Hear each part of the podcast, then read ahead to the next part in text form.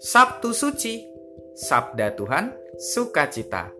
Setiap Sabtu pagi, saya menemani para pendengar semuanya dengan beragam cerita dan kisah inspiratif yang bisa menemani Sabtu pagi sambil sarapan, sambil ngopi.